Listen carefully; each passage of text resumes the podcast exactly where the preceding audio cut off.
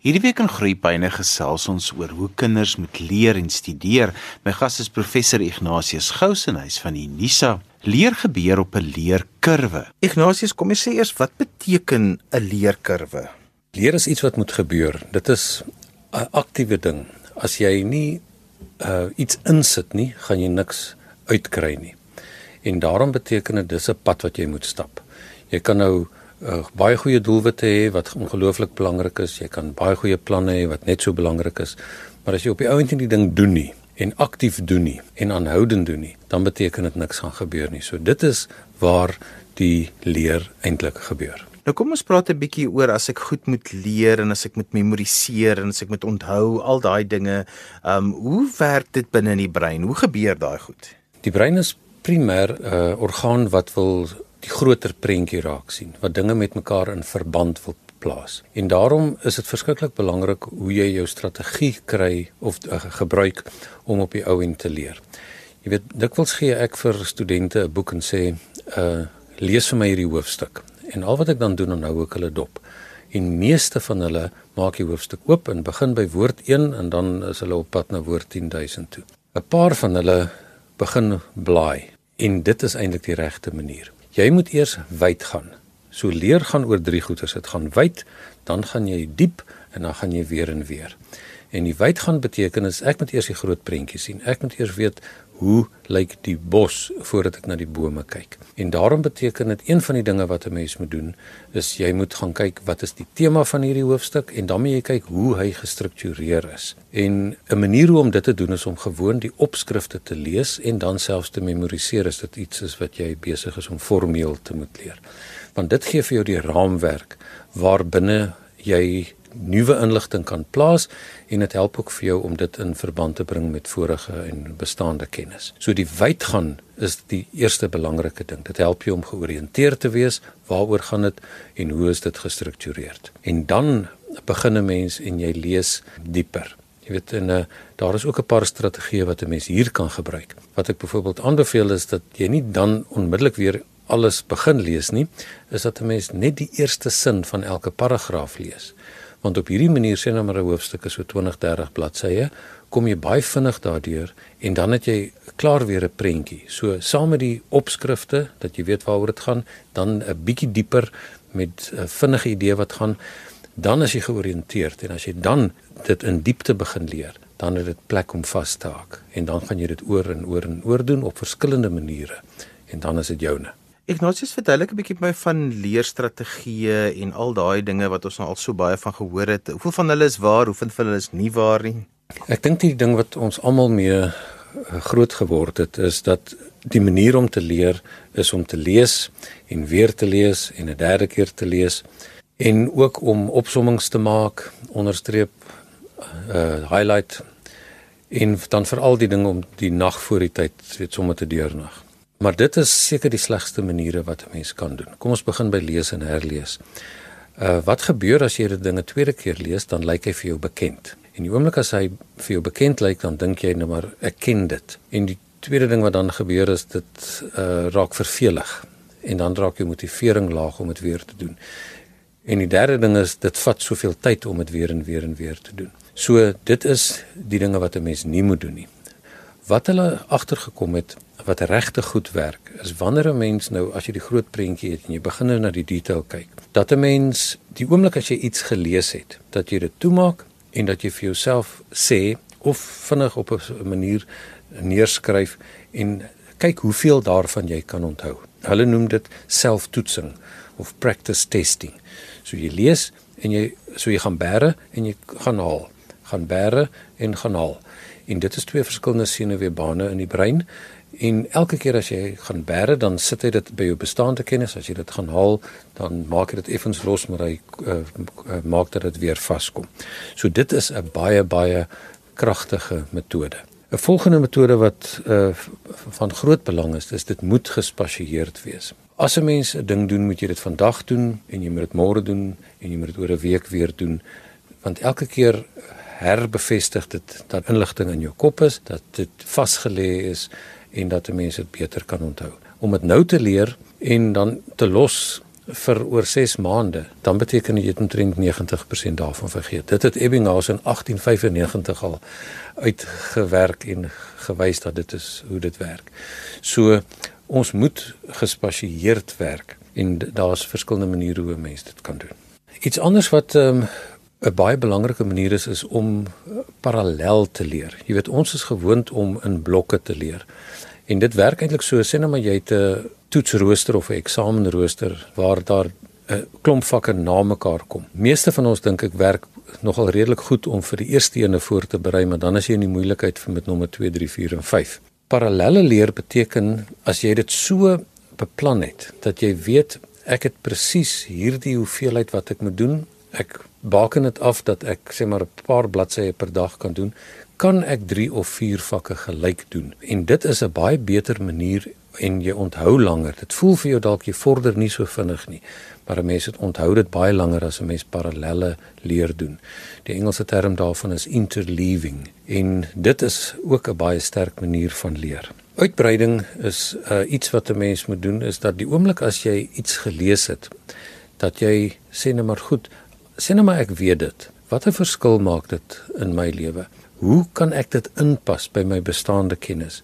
Hoe kan ek hierdie ding vat en iets verder daarmee doen? Want dit is die hele ding van om aktief te leer, om betrokke te wees by jou leer. Dat 'n mens nie net daar sit en uh vir die plesier van iemand anders 'n klomp goed memoriseer nie, maar jy is besig om aan jou eie lewensdoel te werk met alles wat 'n mens leer. Al kan 'n mens nie altyd sien hoekom dit op hierdie oomblik belangrik is nie. Eendag van der tyd gaan hierdie ding vir jou van waarde wees en uitbreiding help vir 'n mens om daaroor te doen. Reflektering gaan daaroor dat 'n mens moet sit en dink, maar is dit van belang? Waar pas dit in? Het ek iets hiervan al gehoor voorheen?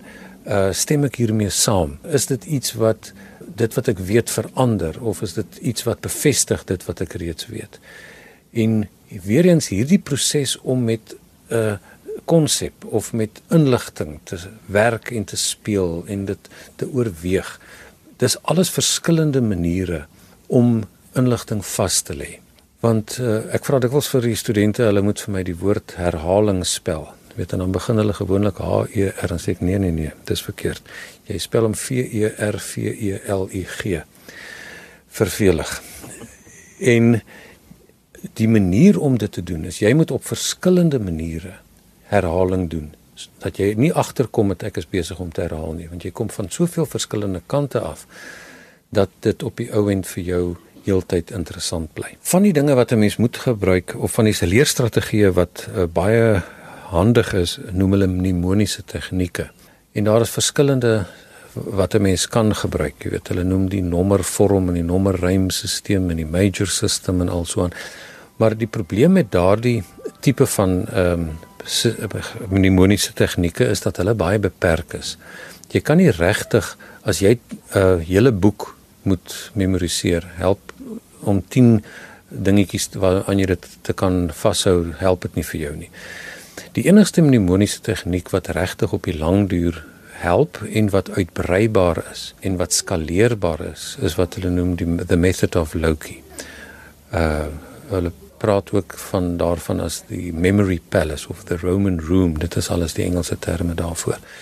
Waar jy bestaande dinge wat jy weet uh en ken sonder om dit te moet memoriseer, soos die binnekant van jou die verskillende kamers van jou huis of dinge met wiele of dinge met vlerke of roetes wat jy stap. Wat jy dit gebruik en wat jy dan die inligting wat jy moet memoriseer daar binne inpak.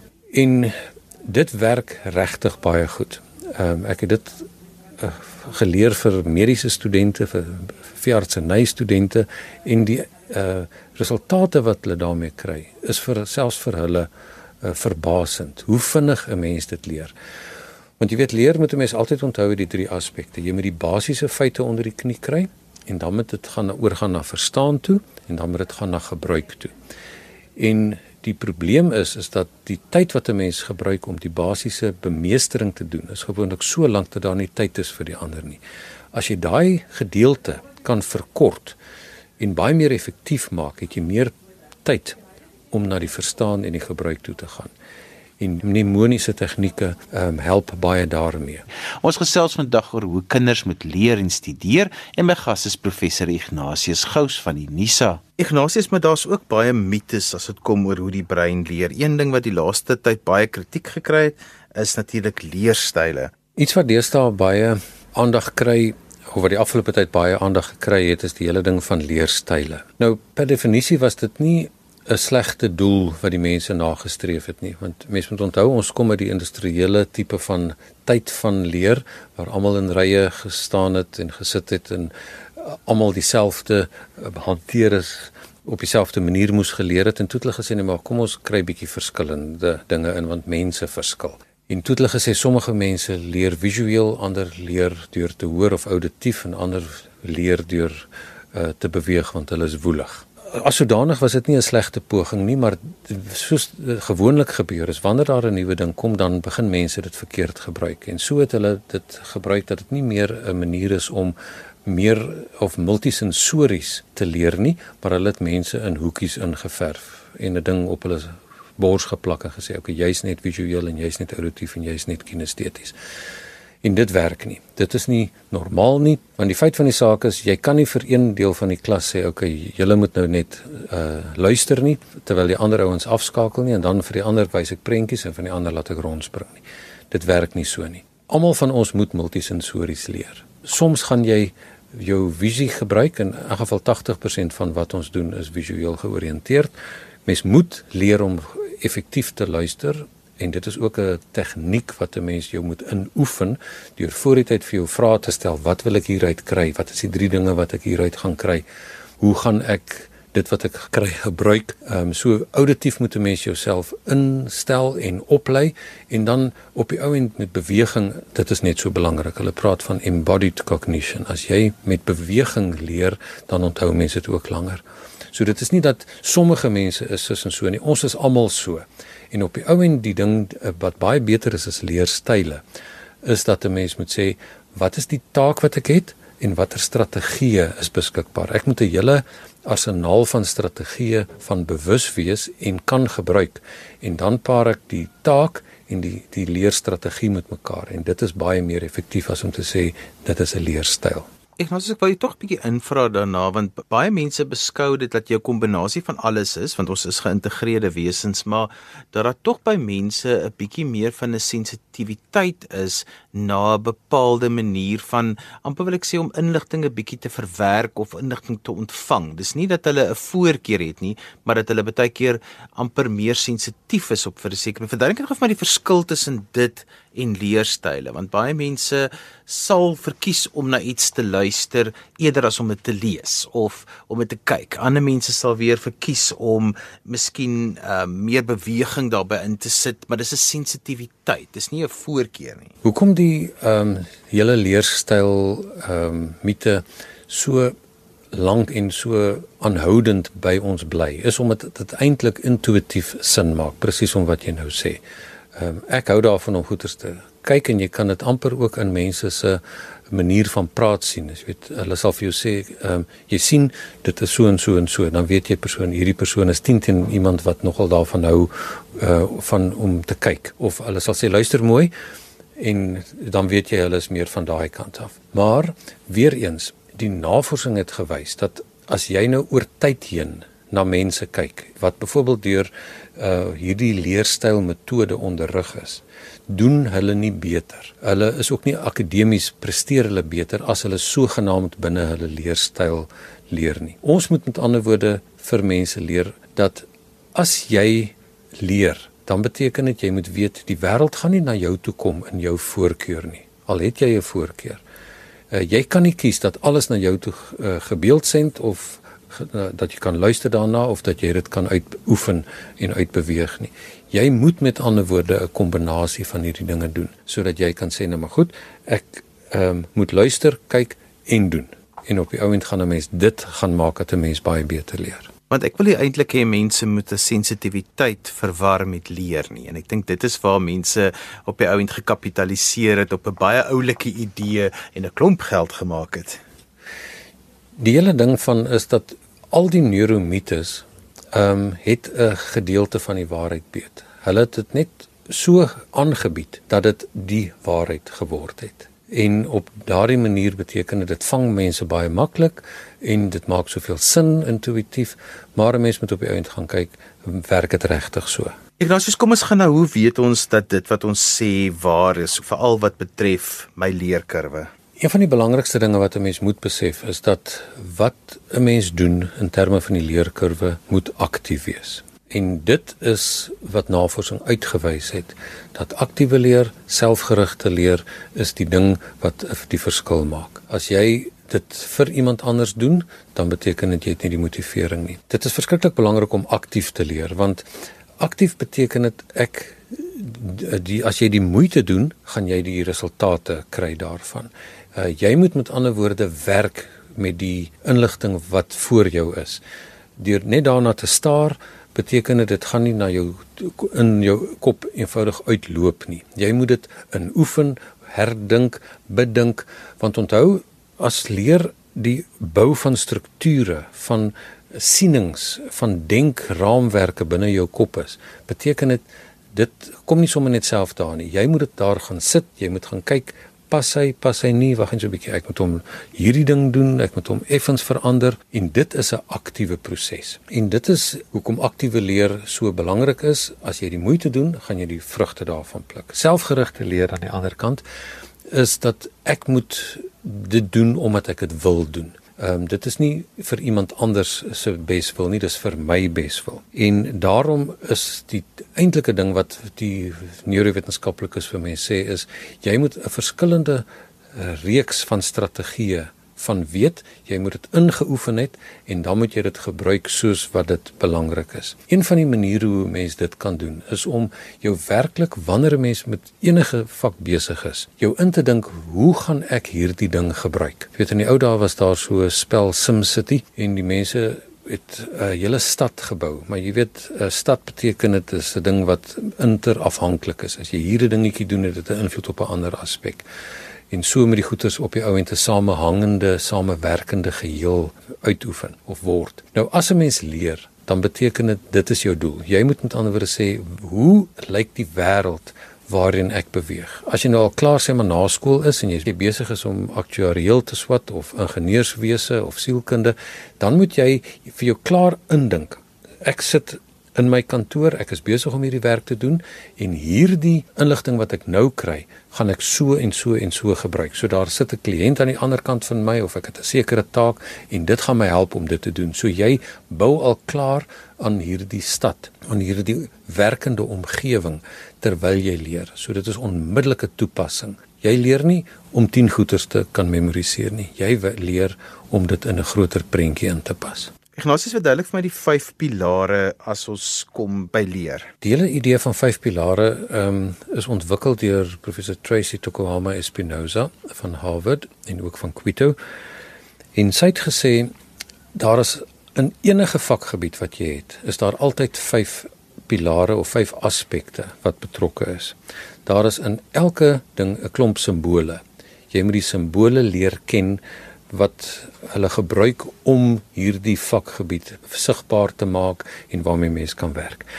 Dan hierdie simbole pas in in patrone. Ehm um, as jy moet met ander woorde die samehang raak sien. Dit is nie los albasters wat op die vloer lê nie, maar dit is 'n gesnoerde string parels wat op 'n sekere manier aan mekaar gesit word. Daar is ook altyd 'n orde daar moet een ding moet altyd uh, gebeur voor 'n volgende ding. Sien nou 'n mens dink aan om 'n koek te bak. Dit help nie jy vat al die bestanddele en jy sit dit in die oond en na die tyd dink jy gaan dit uh, meng nie. Daar is 'n orde waarin enige vakgebied uh aangebied moet word en gebruik moet word om op die ou en die taak te doen wat jy dit daarmee wil doen. Dan is daar kategorieë uh waar die klein gedeeltetjies, die klein detail inpas en saamval en saam ehm uh, bymekaar kom in groter kategorieë wat dit oorsigtelik maak en wat dit oorskoubaar maak en wat vir mense ehm um, kans gee om daarin te vat. En dan op die ou end kom dit uit by verbande. hoe 'n mens die dinge bymekaar sit. Hierdie dinge van simbole, patrone, orde, kategorieë, verbande, as 'n mens die aspekte verstaan, dan beteken dit jy kan baie makliker enige vakgebied verstaan en jy kan dit ook baie makliker aanbied. Dan weet jy, weet vir 'n jonger kind moet ek eers hierdie dinge aanbied, ehm um, en dan kan ek aangaan na die volgende dinge. En as jy nuut in 'n vak is of maak nie saak hoe oud jy is nie, dan begin jy ook so. Jy begin by die simbole, sien die patrone raak, orden dit, maak dit in groter kategorieë en dan sien 'n mens die groot verbande raak. Ignatius, kom ons praat gou oor die vlakke van leer want daar's baie teorieë daar buite daaroor. Hulle praat van 3 vlakke van leer, naamlik oppervlakkige leer, diep leer en dan oordrag leer. En meeste mense dink die belangrikste is dan nou oordrag want dit is nou as 'n mens die verste kom. Maar jy weet 'n mens kan nie enige van hierdie uitlaat nie. Ek kan nie by oordrag leer kom of by diep verstaan kom as ek nie basiese boustene het nie. Nou in die verlede is daar dikwels net op die bousteen gedeelte uh, of vlak gekonsentreer want dit is baie maklik meetbaar. Ehm uh, kan jy die 10 goeders opsê of kan jy die 20 dinge neerskryf. Maar ehm uh, mens het dit dus nodig, maar 'n mens moet verder gaan om te sê, nou maar goed, as ek die boustene nou beskikbaar het, hoe gaan ek dit kan laat verstaan vir myself? Hoe kan ek insig kry oor hoekom dit belangrik is hoe ek dit kan gebruik? En dan op die ou end is dit 'n mens wanneer mense toepas, dan pas mense dikwels toe in jou eie vakgebied, maar dit dra ook oor na ander lewensterreine toe waar 'n mens hierdie beginsels en die dinge kan raak sien en dit is wat hulle noem kreatiwiteit. Wanneer 'n mens iets wat in een terrein uh, eintlik ontdek is op 'n ander terrein toepas en dit is waar vooruitgang dan ook in die uh, in spel kom waar mense nuwe goeders uitdink. Ignatius, so wat kan ons alles met hierdie inligting doen waaroor ons gesels het? Wanneer jy met enige leertaak voor jou sit, is dit baie baie belangrik dat jy kan sê ek moet eerstens die taak verstaan. Uh, wat moet ek weet? Wat is die basiese boustene? Waarheen wil ek gaan en hoe gaan ek dit gebruik? En dan kan ek sê nou maar goed, as ek dit weet, wat het ek nodig om te doen om die vaslegging te laat plaasvind? En daar is verskillende strategieë wat 'n mens dan gebruik, van selftoetsing tot gespasieerde uitbreiding die mnemoniese tegnieke om dit vinniger te maak op 'n verskillende multisensoriese maniere te doen om die verskillende uh, verkeerde maniere van dat ek die nag voor die tyd deurwerk uh, te vermy en so voort. So jy moet met ander woorde gaan kyk wat kan ek doen om te leer op die beste manier, die effektiefste manier en dit is iets wat jy self moet uitoefen. Dit kom met ervaring en met inset en met aktiewe leer. En daarmee het ons gekom aan die einde van vandag se groeipyne. Ons het vandag gesels oor hoe kinders moet leer en studeer en my gas was professor Ignatius Gous. Onthou jy kan weer na vandag se program luister as 'n potgooi. Laat dit af by resgep.co.za. Skryf gerus my e-pos by groeipyne@resgep.co.za. Dan groet ek dan vir vandag van my Johan van Lille. Tot volgende keer. Totsiens.